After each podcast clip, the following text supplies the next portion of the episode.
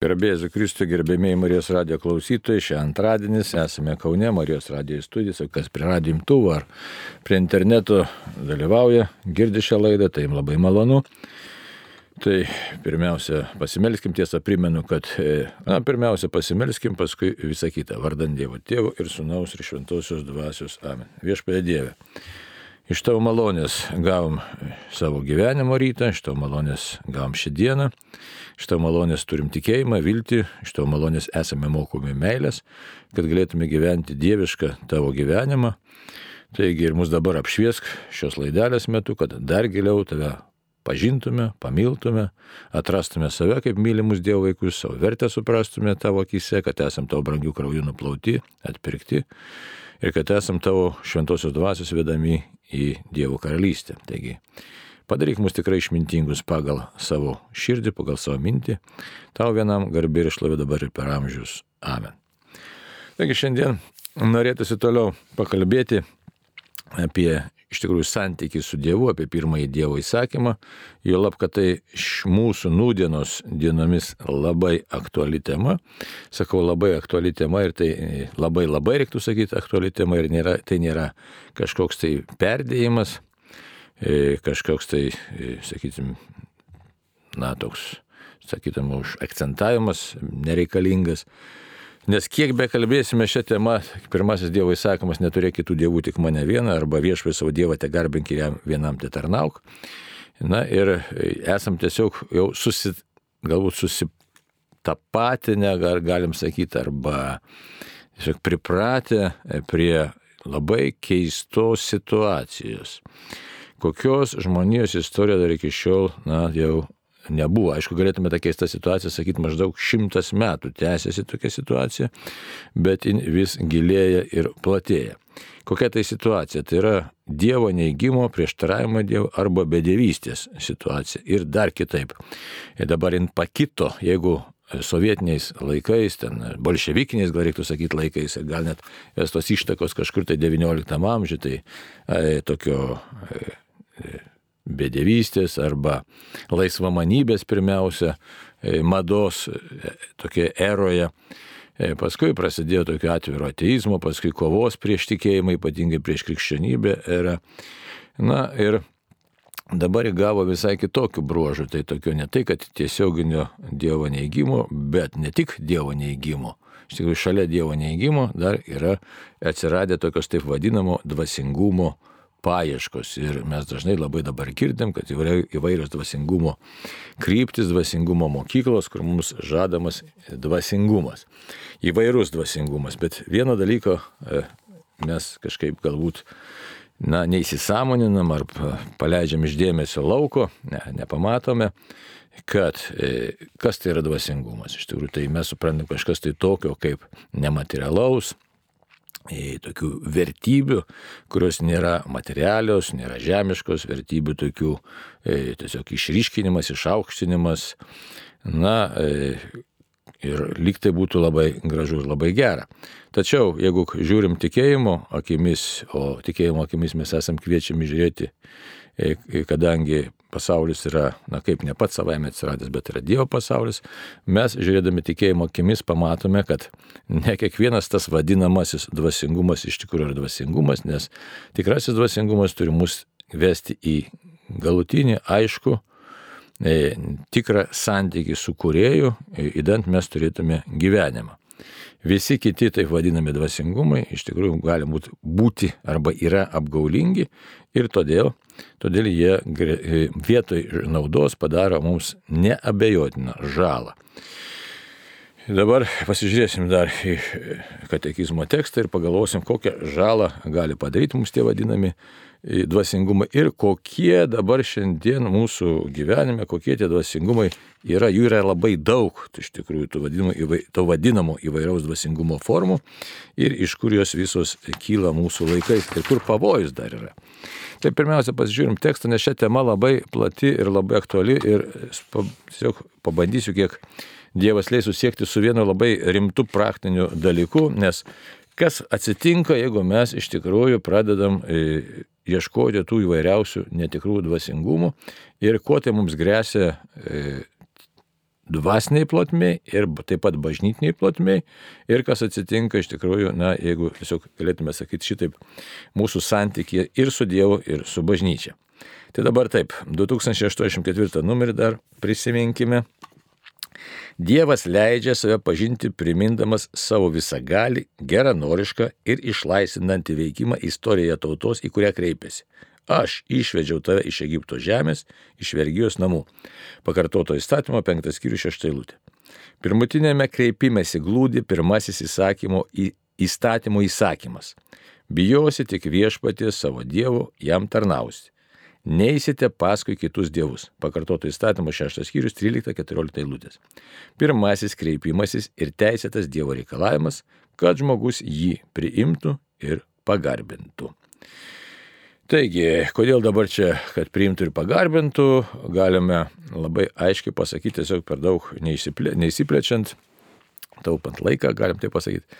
Dievą garbinti ir pirmiau, tiksliau, pirmiausia jį priimti, kodėl jį reikia. Kadangi žmogus turi protą ir mūsų protas skirtas tam, kad mes suvoktume svarbiausius dalykus gyvenime, kitaip tariant, laisva valia seka paskui pažinimą. Štai laisva valia seka paskui pažinimą, teisingą pažinimą ir jeigu mūsų pažinimas teisingas, tai mūsų laisva valia pasirenka teisingai ir mes savo gyvenimą nukreipiame teisingą linkmę. Ką reiškia teisinga linkmė? Tai reiškia, kad mes einam gyvenimo, o ne mirties keliu. Tai čia yra pagrindinis dalykas, nes pati mūsų būtis priešinasi mirčiai visom išgalėm. Nors mes ir galim daug kartų savo kartoti, kad štai mirtis yra natūrali būsena, mes turim priprasti, mes turim susitaikyti. Ir žmonijos istorijoje labai daug įvairiausių filosofinių buvo mokyklų krypčių, jeigu galim žiūrėti antiką, graikus ar romėnus, net, net jeigu kalbėti apie romėnus, tai nebūtinai, kad ten antika, ne ir mūsų amžiuje dar, aiškiai, įvairios filosofinės mokyklos, arba jeigu žiūrėsim antiką, tai tie patys didėjai filosofai, štai kaip gyvenimą, e, gindami savo garbę, pavyzdžiui, pabaigė savižudybę. E, Ta pati galim sakyti apie romėnų e, filosofus. Tai aiškia, štai aš parodau, kad man nu, nežinau, ką galim sakyti, parodyti, gal filosofijos istoriją žmonės e, studijuojantis tiksliau galėtų įvardinti, bet tokia, kad štai e, tiesiog svarbiau vidus žmogaus negu, negu gyvenimas. Įvairiai galima tą e, įvardinti. Žinom, kad įvairiausių genčių tokių tautų buvo, kurios net e, suvalgydavo savo narius kol tie dar pakankamai stiprus ir sveiki, bet jau senatvės paliesti, kad štai tie kiti perimtų kažkokias jo savybės, tik tokie tikėjimai buvo savotiški, kad štai jeigu aš savo kūną atiduodu genties nariams suvalgyti, kol dar esu pakankamai stiprus ir sveikas, na tai man garbė, kad štai gentis perims mano savybės E, tai tokių, tokių įvairiausių buvo tikėjimų ir arba galima kalbėti, žiūrėkit, net ir apie bolševikmečio, e, bolševikų įsitikinimus, kad štai paukosiu save, bet kažką tai sukūrus, arba nacijai. Nacijai taip pat kūrė savo ideologiją, kad e, mirsiu, ten kažkur atsidursiu arba neatsidursiu, bet, žodžiu, tarnausiu ten Reichui ar ten antžmogio, antžmogio sukūrimui ir panašiai. Tai tokie įsitikinimai, bet jie tokie visi sugalvoti žmogaus, Bet tai nereiškia, kad žmogus praranda e, mirties baimę arba mirtis tampa mūsų dalimi, nors, nors galima kažkiek tai suvokti ir suprasti ir susitaikyti su tuo. Bet šiaip pati būtis mūsų prieštarauja. Prieštarauja e, nebūčiai, jeigu taip reikėtų sakyti. Tai ir todėl visos tos racionalizacijos, jis irgi yra racionalizacijos, įdant aš galėčiau tiesiog pakelti, priimti ir peržengti mirties lengsti su kažkokiu tai tikėjimu. E, tačiau tas tikėjimas gali būti netikėjimas, bet įsitikinimas arba savo tiesiog sukūrimas e, pasaulyje žiūros tam tikros, kuri leidžia man kažkaip tai vienaip ar kitaip apsispręsti. Tačiau Dievo planas yra kitas. Dievas mums apreiškia pats save, kad sako, aš tave noriu atvesti pas save. Ir tai šitas kelias nėra lengvas, nes mums kokio Dievo reikia pažinimo, vis gilėjančio Dievo pažinimo, kai mes tiesiog nebe tai, kad jau pažįstam Dievą teoriškai, bet jį tiesiog pamilstam visų savimi, o tai jau čia yra Dievo dovana, taip kad štai visą laiką reikia prašyti Dievę, leisk man tave pažinti, kad štai aš galėčiau pilnai atsiduoti tau, pasitikėti tavimi ir žinot, kad štai tu mane vedi per tiesiog per įvairius e, gyvenimo vingius ir per kryžių vedi pas save. Tai štai. Bet žinau, kad tu man teiki tikrai gyvenimo, tiesiog net, sakykim taip, būties pilnatvę teiki. Taigi, Ir dabar kaip, kas atsitinka, sako, neįsite tai pas kitus dievus. Tai jeigu pirmasis kreipimasis yra tai, kad štai Dievas žmogų kviečia priimti Dievą, priimti. Reiškia, kokia mintis yra giluminė, kad visi kiti racionalizavimai, visokios ten teorijos iš tikrųjų nėra iš Dievo. Ir todėl tu žmogau apsigauni. Tik tai tai, ką Dievas pats sako, ką apreiškia, yra tikra, nes žmogaus protas yra ribotas ir todėl, jeigu pagal savo supratimą bandai formuoti savo e, gyvenimą, taigi laisva valia rinkdamasi tai apsigauna. Todėl, kad neapsigautum, turi sekti viešpatės apreiškimą. Na ir kad pagarbinti, pagarbinimas jau yra arba šlovinimas, arba garbinimas, todėl, kad štai tu esi Dieve be galo didingas ir tavo didybė yra tokia didžiulė, kad tiesiog neįmanoma tavęs nepagarbinti, neįmanoma tavęs nepašlovinti. Taigi čia yra tokia, sakykime, taip, nu, galėtume sakyti, taip, su ambicija, bet tai yra protingo žmogaus pasirinkimas pagarbinti ir pašlovinti Dievą, kuris yra be galo didis, Na ir kadangi jisai įeina, Dievas įeina į santykius su žmogumi iš savo didybės, reiškia, nepaiso savo didybės, tai tada tas atsiranda tiesiog nustebimas ir supratimas, kad Dievas yra ir realiai yra meilė e, ir iš tikrųjų dalyvauja žmogaus gyvenime. Nors, kaip aišku, galim čia paskui išskaidyti labai daug tų dauginamųjų, kas mums trukdo priimti, silpnumas, lygos, skausmai ir taip toliau, bet vis dėlto. Taigi čia jau kiti ateina paskui elementai, apie tą pakalbėsim, kad šventoji dvasia įsiterpia į žmogaus gyvenimą, kad žmogus galėtų pamatyti iš tikrųjų ir Dievo didybę, ir Dievo gerumą. Tai va, tai dabar žiūrėkit, mūsų laikmetį atsirado daug įvairiausių tokių, kaip jau minėjau, ne tik kad prieštaravimo Dievui, tokių akivaizdžių ženklų arba ignoravimo, bet ieškojimo kitokio dvasingumo formų ir kitokio dvasingumo rūšių, kokių dabar? Tokių, kuriame nėra Kristaus. Ne tai, kad nėra Dievo, bet kuriame tų, kurių nėra Jėzaus Kristaus asmens. Kitaip tariant, e, įvairiausių tokiausių krypčių, tai apie tai šiandien šiek tiek ir pakalbėsime kokios tos e, dabar kryptis yra įvairiausios. Mes, sakysim, galim pasiskaityti tokį dokumentą Jėzus Kristus gyvo vandens nešėjas, ten ilgas dokumentas, 40 puslapis ir lietuviškai yra įdėtas internete, katalikų tarnybai įdėjo. Ir mes ten ir pamatysim įvairiausių, įvairiausių įskaičiavimų, nes dabar e, tų įvairiausių tokių krypčių yra tikrai labai daug ir jos įvairios yra. Susijusios su įvairio tokiam dvasingumo, ne va tai formom, meditacijos formom, sveikatos ieškojimo formom. E, keletą pavyzdžių aš jums paskui čia paminėsiu. Bet dabar visose teuose ten kažkas tai kalbama apie energijas, apie energijų valdymą, apie, apie kažkokį tai ten nušvitimą ir taip toliau, ir taip toliau. E, kada visa tai prasidėjo? Iš esmės tai nieko naujo žmonijos istorijoje, galėtume sakyti, kad mes dabar esam savotiškai nublokšti tik tai kitam tokiam kokybiniam lygmenį, bet nublokšti mažiausiai 2000 metų atgal, gal 3000, gal 4, nu įvairiai galim sakyti. Kai žmonija vėl e, tiesiog grįžo į didžiąją dalimi, gal netgi galim šitai pasakyti, didžiąją dalimi grįžo į savo pagonišką mąstymą, į tokį e, panteistinį mąstymą, į tokį tiesiog, nu, pagonišką geriausiai būtų sakyti, ne tokį stapmeldišką mąstymą. Nebūtinai susikurta yra kažkokių tai stabų, bet yra tokių, e, daugiau tokių pagoniškų dalykų.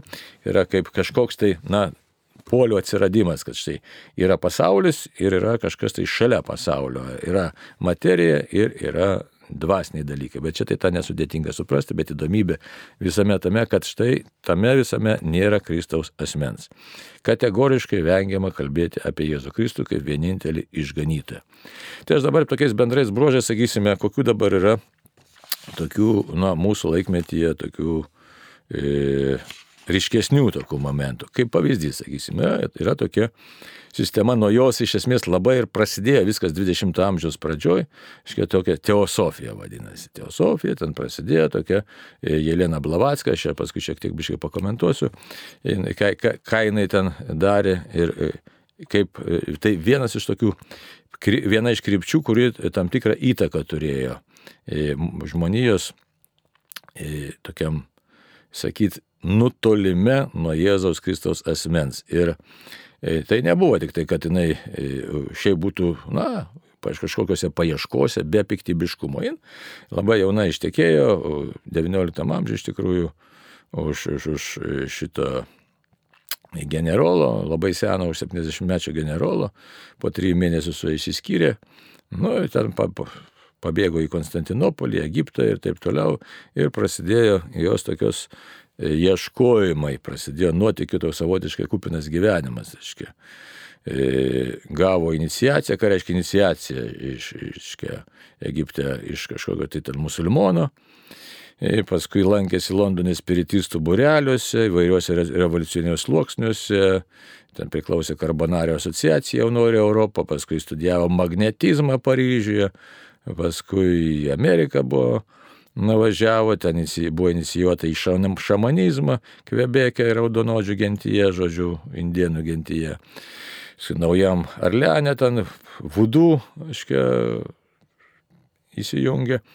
Nu, žodžiu, tokių paskui Himalajus, Kašmyrą nukeliavo, ten kalbėjo, kad jie atsivėrė trečioji akis, žodžiu, paskui ėmė bendrauti su e, mirusiais gamtos dvasiamis, bet kas įdomybė, kad jin, jai labai sekėsi užmėgsti ryšius su įvairiais, kaip sakyt, gan aukšto, nu, žinomais žmonėmis įvairiausiais, su tais turėti įtaką vieno žodžio visuomenėje. Nu, va, tai Čia viena tokia iš teosofinė tokia, teosofija viena iš krypčių, ką dar, tai reiškia, turėjo medimo sugebėjimų, nu, pradėjo e, ten visokius sukčiavimus, medimizmų užsiminėjo kairę, paskui, reiškia, tapo Memphio ir Mizraimio apieigų didžioji gerofantė, tai yra aukščiausias laipsnis masonų šitam ten toj kryptėje ordinė. Žodžiu, tokių įvairiausių dalykų turėjo. Ir 1875 metais įkūrė Teosofijos draugiją. Na ir tai čia tokia kaip ir istorinė savotiška apžvalga, bet kokios buvo skelbiamos tiesos, kurios ir dabar jos paplito per teosofiją, paskui per kitus judėjimus ir dabar jos yra šiandien, aiškiai, iš tikrųjų populiarios tos, tos tiesos. Paskui, kadangi su tokiu Rudolfu Steineriu, E, turėjo ryšių tas kaip bendražykis savotiškai buvo, dar čia pasižiūrėsime, kas, kas ten toliau su jais vyko. E, bet kokios buvo pradėtos skelbti tiesos, kad štai visos religijos yra vienodai teisingos ir veda prie Dievo. O toks dabar šiandieną galima atpažinti, šiandien labai populiarus religinio sinkretizmo teiginys, kurį galima daug kur sutikti, reiškia pasaulyje skelbiama tiesiog. Ir dažnai ir krikščionims sako, kodėl jūs čia sako, norite būti išskirtiniai. Ir mes net tą galim išgirsti tarp pačių krikščionių, tarp tų pačių mūsų katalikų. Kad štai viskas čia neblogai, viskas veda į vieną, vis tiek Dievas yra vienas. Iš tikrųjų toks nesupratimas yra, kad Dievas apreiškia pats save ir tas Dievas apreiškia save yra esmo Jėzus Kristus. Ir todėl toks visiškai Kristaus nuvainikavimas yra iš esmės luciferiškas dalykas. Tai jeigu taip kalbėti apie tą Blavatską, tai, tai pasižiūrėsime, kad tai tikrai ir tiesiogiai ir buvo susijusi su luciferizmu. Tai va, toliau. Nu, tokie teiginiai, kad Dievas, žmogus ir gamta yra viena, toks monizmas skelbiama, aiškiai, toliau, kad Dievas yra viskas visame kame ir visa yra dieviška, panteizmas, paskui, kad sako, žmogus yra pavaldus, aiškiai, karmos, sielos, reinkarnacijos dėsniams ir buvo kalbama apie tam tikrą evoliuciją kad žmogus tipo evoliucionuoja dvasiškai, ta evoliucija. Nu, ir mes dabar matom, žinom, kad net, kaip minėjau, yra išleista, aiškiai, slaptoji doktrina, ten tos, aiškiai, Blavatskos, kai tokį pasisekimą gana nemažą turėjo. Aiškiai, paskui knygą Teosofijos raktas parašė, tai va, ir ten skatino studijuoti arijų, kitų raštų studijas, paskui žodžiu, gamtos mokslus. Nu, kas įdomiausia, pati Blavatskė apie savo sako, aš nieko, sako, nestudijavau, bet sako, išmanau, taip jis sakė, aišku, kaip ten buvo, nežinau. Aišku, kad išmanau, sako, ir chemiją, ir fiziką, ir galiu bendrauti su kuo nori, žodžiu, ten Tai kodėl apie tai kalbu dabar, čia daug iš visos paskaitos neskaitysiu, bet, bet mintis tai, kad e, tai visą tai turėjo tam tikrą įtaką, tam tikrą įtaką kultūriniam pasauliu. Ir jeigu mes dabar yra žmonių, kurie, pavyzdžiui, žavėsi Rericho paveikslais, ne, pavyzdžiui, iš tikrųjų Rerichas priklausė tai pačiai Blavatskos kompanijai, e, kuri, nu, tiesiog, va, ką aš paminėjau, skelbė tokias tiesas. Ir kas dar įdomiausia, jų tokia buvo mintis, kad štai sako, teosofijos mokymas turi tapti visų religijų kvintesencija ir pakilti aukščiau aukščiau religijos, aukščiau tikėjimo. Ne?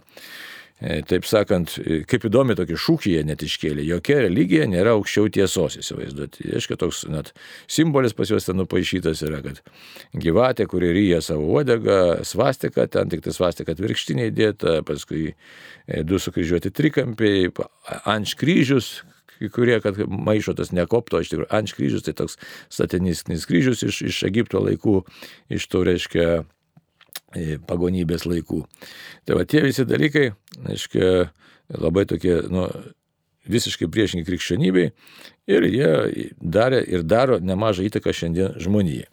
Dar toliau, reiškia, apie ką kalba, sakysim, pailustruot, kas ta teosofija ir kokį jinai neša kokią žalą, sakysime sako, teosofija pas mus, reiškia, buvo nu, paslaptingi žmonės vadinami mahatmomis, reiškia, didžiosios sielos arba mokytais. Bet kas įdomiausia, e, kad pagal Blavatskas visą mokymą, e, net ir Leninas iš tikrųjų buvo mahatma, reiškia, didysis mokytojas. Nu, tokių. Va. Na, nu, aišku, apie Šambalą sukurta ta legenda, apie kad štai Tibete, apylinkėse ten gyvena kažkokie ypatingi žmonės ir taip toliau, taip toliau. Ir mes galim atpažinti šitą, šitą dalyką. Žiūrėkit, mes net ir E, Anastazijos sekta paskui šitam dabar, ne dabar, bet čia prieš keletą dešimtmečių, sakysime, buvo paplitusi buvusioje tarybų sąjungoje, kai ir mūsų nemažai žmonių labai tikėjo, kad štai galima ten kažką tai, yra tokia bendruomenė, kur štai anastazistai tie visi. Paskui, žiūrėkit, kiti, tai čia kaip pavyzdys, ne? Toliau e, šitą, jeigu kitas pavyzdėlis būtų su to pačia, su to, mm, kaip to e, Rudolfu Steineriu. Tas e, atsisėjo nuo, nuo, nuo e, teosofijos pavadino savo mokslą antroposofija, bet principas liko tas pats. Dabar koks tas principas? Pati e, e, šita Blavatskai leido tokį žurnalą ar laikraštį, kaip čia pasakyti, Luciferis, taip ir vadinosi tas žurnalas arba Londone gyvendama leido žurnalą pavadinimu Luciferis, reiškia. Ir tiesiog, nu ir ten e, kalbėjo apie tą e, teosofijos savo doktriną, reiškia. E, ir apie ką ten kalbama? Kalba apie tai, kad Luciferis atstovauja gyvenimą per civilizacijos progresą. Šetonas yra mūsų planetos dievas ir vienintelis dievas. Tai štai tokia.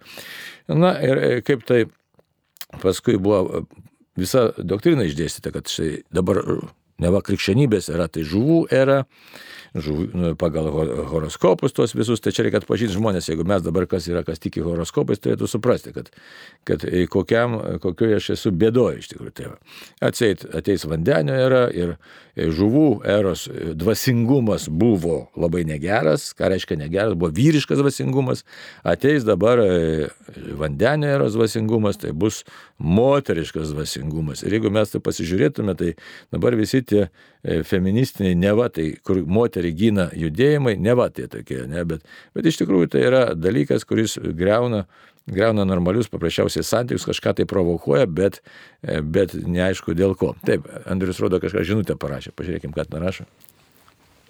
Taip cituoja Marijos radio laidas, klausytojas sako, kad basėjai karmelitai sakė, kad Teresė Vilietė įrodė, kad Dievas yra, ar tai reiškia, kad žinojimas aukščiau tikėjimo, nes mes daug ko nežinom, o linkę pasikliauti tikėjimu.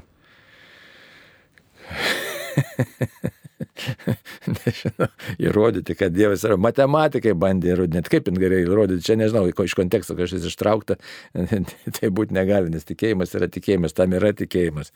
Aiškiai, Jėzus kalba apie tikėjimą, nors Jėzus pats tėvą pažinojo, tai sako, taip kad tikite Dievą, tikėkite ir mane, štai kaip buvo pasakyta. Taip kad reikia žiūrėti, ką šventas raštas sako. Iš kur ten nevilėtės pasakyta ar įrodyti, neįmanoma įrodyti. Tai gerai, grįžtam prie temos, nes tema yra svarbi ir žiūriu laiko netiek daug liko, 15 minučių. Ir dar vienas klausimas, jeigu galima, ar nemanot, kad e, žmonės ieško atsakymų kitur? Dabar dėl bažnyčios tarnų nuopolio, turto troškimo, kas priešinga Kristui yra, neranda Kristaus dvasios bažnyčioje. Taip, iš dalies teisingai, bet ne absoliučiai. Dabar, reiškia, žinot, štai kalbam dabar. Ta sėkla pasėta bejonė sėkla yra eina pradžių, toliau vienas dalykas. Kitas dalykas, jeigu man rūpi mano išganimas, tai aš tik tai apgailėstausiu dėl bažnyčios e, tarnų nuopolių, bet išvelgsiu į Kristų. Tai čia yra už tai susiję tie dalykai. Gali tik tai rezonuoti bažnyčios tarnų, sakysim, turto traškimas, seksualiniai kokie nors skandalai ar kiti ten dalykai rezonuoti mano tam tikrą pasirinkimą ar e, netikėti ir Jėzumi. Tai, bet jeigu man iš tikrųjų, jeigu aš myliu Jėzų, tai aš visai kitaip žiūrėsiu. Jeigu aš pažįstu Jėzų, sakau, pažįstu, pažįstu tiek, kiek šventas raštas apreiškia reiškia, įtikiu, kad Jėzus yra išganytas. Tai man labai skaudė širdį ir iš meilės, iš tikrųjų aš melsiuosi iš tuos, o ne kas pasiklydęs, kas netaip elgesi. Tačiau yra kitas dalykas, čia už tai tas yra luciferiškas dalykas, kad aš pats bandysiu susikurti savo tikėjimą, kuris neva man kažką tai duos, iš tikrųjų padarys mane kažkokį ypatingą, žinant ir taip toliau. Tai mes dabar už tai ir kalbam, kad Labai daug tokių yra dalykų, kurie iš esmės reikia struktūriškai, jeigu žiūrint, tai noras valdyti situaciją, noras sukurti savo tikėjimą, noras sukurti savo tiesą, kažkokią tai kryptį. Ir tas e, dedasi su ta pačia teosofija, tas pats su ta antroposofija, jeigu sakysim, Lucifer gnozis tokia reiškia, yra Heraus Geber, reiškia, doktor, daktaras Rudolf Steineris ten reiškia savo išleido, jau atsisijęs nuo Blavatskas, bet jis nieko ten iš esmės neatsisėjo, bet sukūrė savo, reiškia, tokią kryptį. O to, sakysim, kokia Rudolfo Steinerio ten mintis. Jūs esate Dievas ir žinote, jog esate dieviškas, tačiau turite savo nuolatos priminti savo dievišką prigimtį ir svarbiausia pagal ją elgtis, visi mes esame Dievo dalis, štai tokie labai klastingi pasakymai, visi mes esame Dievo dalis. Gali, gali labai eiti kartu su krikščioniška mintimi, kad štai mes esame Kristaus kūno nariai, bet būti Dievo dalim ir Kristaus kūno nariais yra iš, iš esmės skirtingi dalykai, nors iš pradžių mes galim to ir net pažinti. Tai va. E, kiekvienas iš mūsų, čia e, šitą gnozės, aiškiai, e, Luciferio gnozės dalykas, o kaip pasakyta, kiekvienas iš mūsų esame dieviškų šaltinių atvaizdas, nu, Dievas tai mes, mes tai Dievas, o tokios panašios frazės yra. Tai, nu, žodžiu, tai tas noras tapti išmintingais, bet tapti išmintingais be Dievo, tai kalba apie tokį iš tikrųjų ten, kad žengiam į naują pasaulį, naująjį amžių. Nu, ir ten taip toliau, ten tų visokių brolyjų, krypčių ir taip toliau. Nu, kalba ten buvo apie tokią, sakysime, e, šitą naują ten tą epochą, rasę, šeštąją rasę aiškia, kuri turės okultinę sąmonę, nu, žodžiu, tokių visokiausių dalykų pilna. Tai dabar, bet reikia suprasti struktūrą pačią. Struktūros esmė yra tokia, kad, kaip jau minėjau, aš kažką tai valdysiu ir žinau, kaip Dievas turi atrodyti, žodžiu, man tokio Dievo, kuris man apreiškiamas e, per Kristų, per bažnyčią, man tokio nereikia iš tikrųjų, man reikia tokio, kokį aš bandau nu, tiesiog pamatyti ir pažinti. Ir dar noras valdyti situaciją, dar aiškiai tas valdymas eina per pažinimą. Kad štai aš įžengiu kažką tai, taigi tas okultinis dalykas, okultinis tai slaptų dalykų pažinimas, kad štai įmanoma kažką tai, kažką tai pažinti pačiam. Žodžiu, tokia, tokių nu, galėtume sakyti, esmė, kad štai pagrindas yra ideologija. Tai tai prasidėjo tas naujasis amžius ir paskui su tuo naujoju amžiumi, su to prieimimu šitų visų panašių idėjų, e, kad štai reikia, dar daugiau čia buvo, kad krikščionybę reikia panaikinti iš tikrųjų. E, tiesiog e, turi prasidėti nauja era, kai kuo daugiau žmonių priims tą ideologiją, kad štai pačiam galima peržengti pažinumo ribą, kiti ten fiziką bandė ir bando pritaikyti, kiti ten matematiką, žodžiu, tam tikra turi būti kritinė masė žmonių, ir kad e, tiesiog atgyvenus civilizaciją, reikia sukurti naują civilizaciją, e, tai va, kad yra tam tikri evoliucijos dėsniai, žodžiu, e, tai va, ir Na, tai taip, kad tokių dalykų, kurie nu, žada, kaip sakysim, panašiai atsikartoja viskas kaip Edeno sodė, kaip Žaltys sakė, sakė Jėvai, kad valgyk tą vaisių ir jis bus skanus. Tai va. Nu, žodžiu, e, tai dabar kokių tų apsireiškimo formų yra. Apsireiškimo formų, tos, e, tokios, to naujo amžiaus New Age yra įvairiausių. Ir jos, kaip pavyzdys dabar, nu, kas su sveikata, pavyzdžiui, susiję. Ne, sakysim, yra reikia e, užsiemimai, žinai, žmonės rankomis gydo, bet kur yra e, blogybė. Blogybė ta, kad nežino žmonės, kokia dvasia tas vyksta, e, čia panašiai kaip ir su užkalbėjimu, sakysim. Tas pats užkalbėjimas, kai užkalbamas yra e, rožė užkalbama, pavyzdžiui. Čia paralelė tokia gali būti ir labai ta gera paralelė, sakysim, jeigu apie rožės užkalbėjimą kalbėti. Žinom, dabar medicina gerai žino, kad rožė yra virusinė lyga, tačiau e, egzistuoja ir po šiai dienai žmonės, kurie sėkmingai tą rožę užkalba. Tai, aiškiai, įdomiai, dinksta rožė. E, kai kažkas užkalba. Kas įdomybė, teko susidurti su tuo e, autentiškai, tas žmogus, kuris tą rožę moka užkalbėti, jam kažkas yra pasakęs, žodžiu, jis žino, kad būtinai reikia perduoti kažkam, tai reikia tą e, savybę, iš esmės, iš esmės tai dvasia, nes kitaip tu negalėsi pats numirti, kitaip neišeisi iš šio pasaulio. Tai, tai va, Tai tokių įvairiausių dalykų. Tai dabar kalbėti apie, sakysim, apie, kaip pavyzdys, apie reikį. Tai žmogus gydo rankomis, jis nežino kokią galę, bet blogybė yra tame, kad e, dar ten yra iniciacijos, iniciacijų sistema. Ką tai reiškia? Iniciacijų sistema, aš tik čia vieną kitą pavyzdį paminčiau, galima, kaip jau minėjau, e, Kristus gyvo vandens šaltinis tame dokumente, ten tiesiog 40 puslapių vairiausių formų yra. E, tų visokiausių meditacijų, gydimų ir taip toliau. Bet ką tai reiškia iniciacija? Iniciacija reiškia, kad štai aš priimu e, iš kažko tai jėgą, galę, žodžiu, įžengiu į kažkokią tai sistemą. Į sistemą, draugiją, gal teisingiausia būtų pasakyti, į tam tikrą sistemą. Aš įžengiu, priimu ir gaunu kažką. Tai ir paskui ten tobulėjai, kylu, ten meistras tampu ir panašiai ir panašiai. Žodžiu, tobulėjau, augau, paskui pats kitus įmą mokyti, jaučiu tą galę, žodžiu, žodžiu, pasidarau kažkoks tai jau kitų mokytas ir ypatingas. Dabar įdomybė, neįdomybė, o bėda didžiausia, kad visa tai kyla ne iš Dievo, nes jeigu mes kalbėtume apie dvasinės dovanas, tai jokių iniciacijų nereikia, tiesiog meldiesi, Dievas suteikia tau, prašai Jėzaus, giliausiam nusižeminime, tuo tarpu čia visur išdidumas yra. Tai dabar pagal bažnyčios kanonų teisę visi tie dalykai, ar aš nueisiu, sakysim, kokį nors krišnaitų, ar ten kitą tikėjimą ir ten priimsiu iniciaciją, tai yra įvesdinim, ar aš nueisiu į reikį, pavyzdžiui, kaip pavyzdys, ne, ir ten priimsiu iniciaciją, ar aš nueisiu kažkokią kitą sistemą, antroposofijos sistemą, teosofijos, masonerijos ložę. Aiškia, bet kur, kur aš priimsiu iniciaciją, iš karto aš užsitraukiu ekskomunikos bausmę. Iš karto.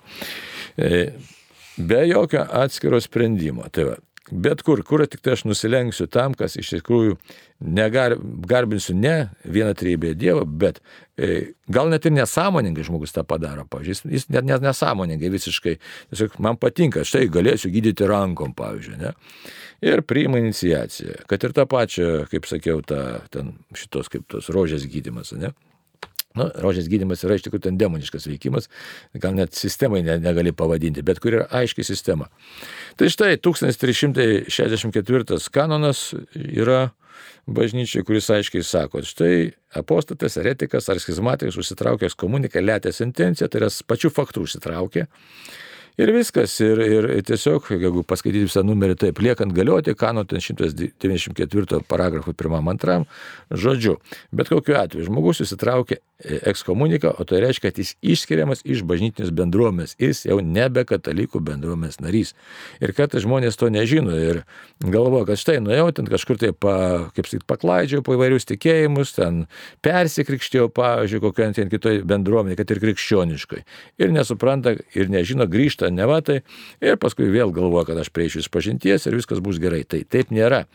Jau, jeigu net ir nori grįžti, tai ta išpažintis yra negaliojanti tol, kol nesi sutaikomas atskirų aktų su bažnyčia, o sutaikyti galima tik tai su vyskupo leidimu. Taigi tie, kurie, sakysim, buvo įkliuvę tokius dalykus, turi labai aiškiai žinot, kreiptis į savo kleboną, sakysim, aš ten buvau reikia, ar aš ten buvau e, Krišno sąmonė, ar aš ten buvau kažkokiai krikščioniškai bendruomeniai persikrikštėjau, reiškia, aš ateinu pas vyskupą, arba tiesiog klebonas turi rašyti vyskupų raštą, kad šitą tokį tokį asmenį prašom sutaikyti su katalikų bažnyčia, tada jisai atskaito tikėjimo išpažinimą, atskaito jam klebonas šitą išrišimo specialią tokią maldą ir tada jau gali prieiti iš pažinties ir gailėtis savo gyvenimo ir tada sugrįžti vėl į katalikų bažnyčią.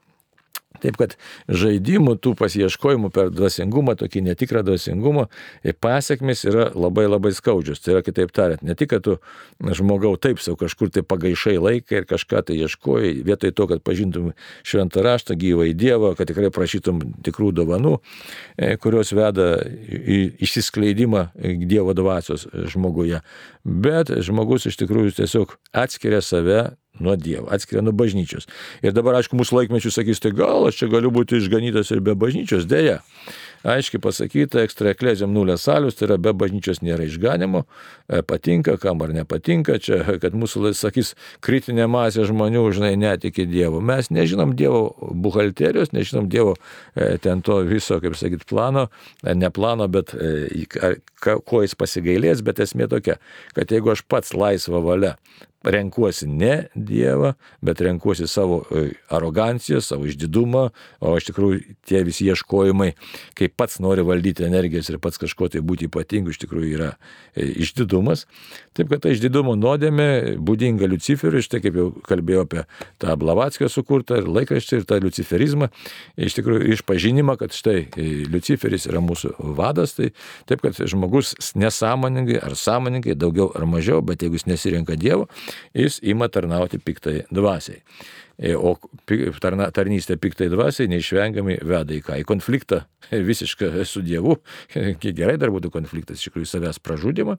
Na ir tada visas žmogaus likimas, kaip sakyt, na, eina kuris eina, tiesiog į pražūtį eina, aišku, jeigu Dievas pasigailės ir dar suteiks ir dar ir dar ir dar kartą galimybę kažkaip praregėti bus labai gerai, bet, bet tavo laisva valia tarnauja tam, kam reikia. Tai dar kartą apibendrinant ir laidai besibaigiant, negi, e, pamastykim iš tikrųjų, ką renkamės, pasakykim tiem, kurie neatsakingai renkasi, aišku, čia galėsim tas temas dar praplėsti, nes čia labai prabėgom, pakalbėjom tik tai, nes tema labai plati, bet tų dabar krypčių, to New Age, to New Amžiaus, tų kvazi dvasingumo krypčių yra labai daug ir būkime atidus, kad nepakliūtume į šetono pinklės. Taigi, tai laimina Dievas ir prašykime išminties ir jo vedimo. Ačiū tam kartu ir sudė.